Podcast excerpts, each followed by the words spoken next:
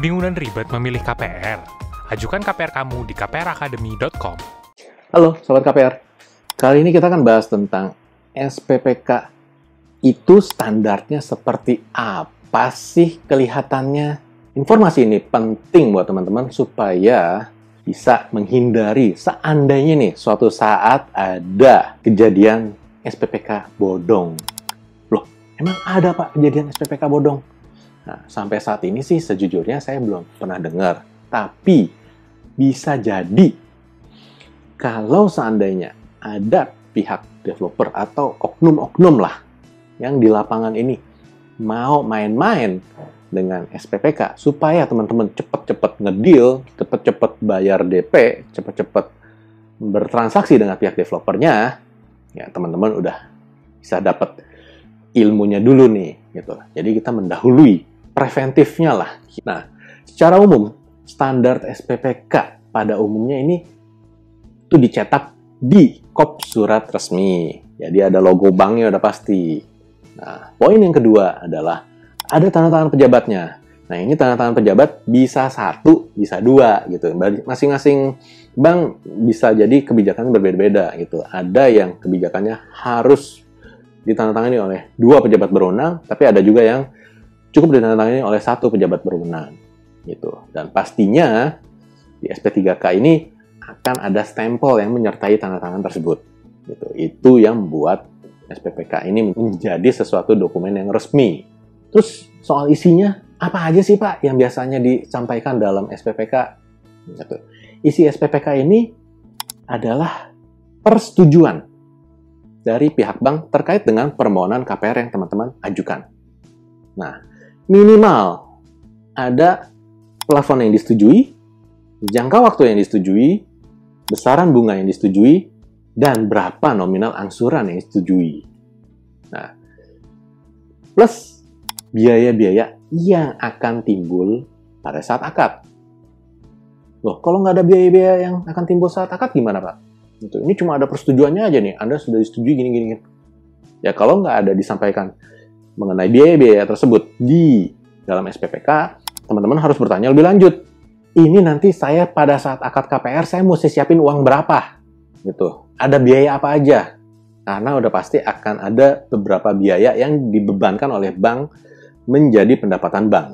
Ya, contoh provisi, biaya administrasi, biaya terkait dengan asuransi, maupun dengan biaya terkait si notaris. Nah, ini teman-teman perlu tahu. Kan jangan sampai nih udah wah saya udah disetujuin nih misalnya wah dapat persetujuan 300 juta wah udah seneng gitu. Terus pas akad KPR petantang petenteng datang ke sana gitu. Oh iya yang penting bawa identitas segala macam udah siap nih gitu. Pas udah selesai tanda tangan tiba-tiba disodorin pak ini nanti biaya KPR yang harus dibayarkan siapkan dana segini ya pak di rekening wah segini? Ya salah biaya apaan? Nah, gitu. Kok saya nggak dikasih tahu? Nah, kalau sampai kejadian kayak gitu kan itu kan jadi nggak enak buat semua pihak ya. Baik buat teman-teman sebagai pembeli, maupun pihak penjual, maupun pihak bank, maupun notarisnya. Aduh, itu akan jadi satu uh, kejadian yang canggung banget deh gitu. Ya, ya tadi nggak punya duit buat bayar biaya-biaya KPR-nya. Ya, batal deh. Ya, sia-sia deh kita ngelakuin akad kari ini. Nah, jadi kalau memang kebetulan teman-teman ketemu SPPK yang cuma ngasih tahu oh persetujuannya berapa-berapa gitu. Nah, teman-teman yang mesti proaktif nih. Ya, teman-teman kan sobat KPR udah belajar nih sama KPR Academy, udah tahu lebih dulu. Nah, jadi jangan sampai ketemu jebakan yang kayak begini terus ya. Nah. Nah, terus poin berikutnya yang sebenarnya penting, tapi saya nggak tahu nih apakah uh, ini sudah dipraktekkan secara umum merata di semua bank atau belum gitu. Yaitu cantumkan PIC bank yang dapat dihubungi untuk menjelaskan perihal SPPK tersebut.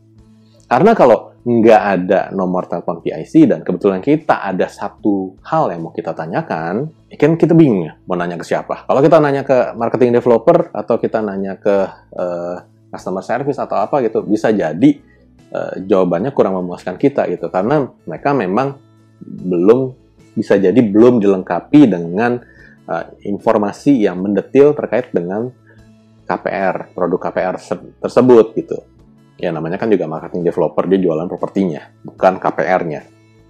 Ya, kalau misalnya ke bank ketemu customer service officer tuh yang ada duduk di meja gitu, ya itu kan banyak kan dia jualan buat masalah tabungan, masalah deposito, masalah giro, masalah electronic banking dan lain-lain gitu. Bisa jadi dia tidak siap untuk menjawab kita.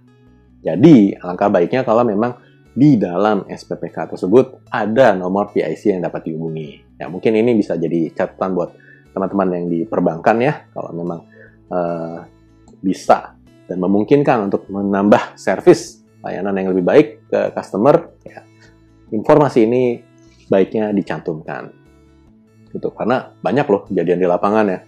Ini saya dapat SPPK gitu. Iya sih kemarin udah dijelasin sih lewat telepon gitu. Iya Pak udah terima SPPK-nya gini gini gini. Oh iya udah dijelasin satu satu gitu. Tapi kan bisa aja nih customernya pada saat terima penjelasan dia sebenarnya pikirannya lagi lagi mendua nih, lagi mikirin yang lain atau gimana gitu. Karena kan biasanya dihubungi pada saat jam kerja juga. Nah, kalau kondisi kayak gini kan bisa jadi nanti pas malam-malam si customer yang lihat lagi, eh ini tadi dijelasinnya apa ya gitu atau dia pas dia laporan ke istrinya atau ke suaminya gitu pasangannya gitu eh kita udah disetujui nih gitu ini oh ini maksudnya apa nih gitu oh iya apa ya tadi dijelasin sih tapi saya lupa. Nah kayak gini. Kalau nggak ada nomor PIC yang dapat dihubungi ya itu kan jadi masalah baru juga buat si customer ya oh iya. Saya mau nanya lagi saya mau telepon ke mana ya tadi?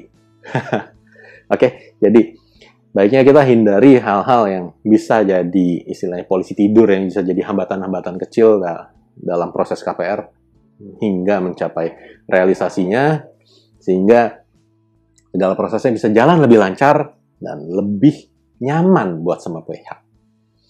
Oke, kalau teman-teman di sini bisa uh, mendapatkan insight yang berarti, jangan lupa share ke teman-teman yang lain ya, supaya lebih banyak orang yang tahu dan lebih banyak orang yang siap pada saat mau melakukan transaksi properti, terutama menggunakan KPR. Oke, sampai jumpa di episode berikutnya. Bye.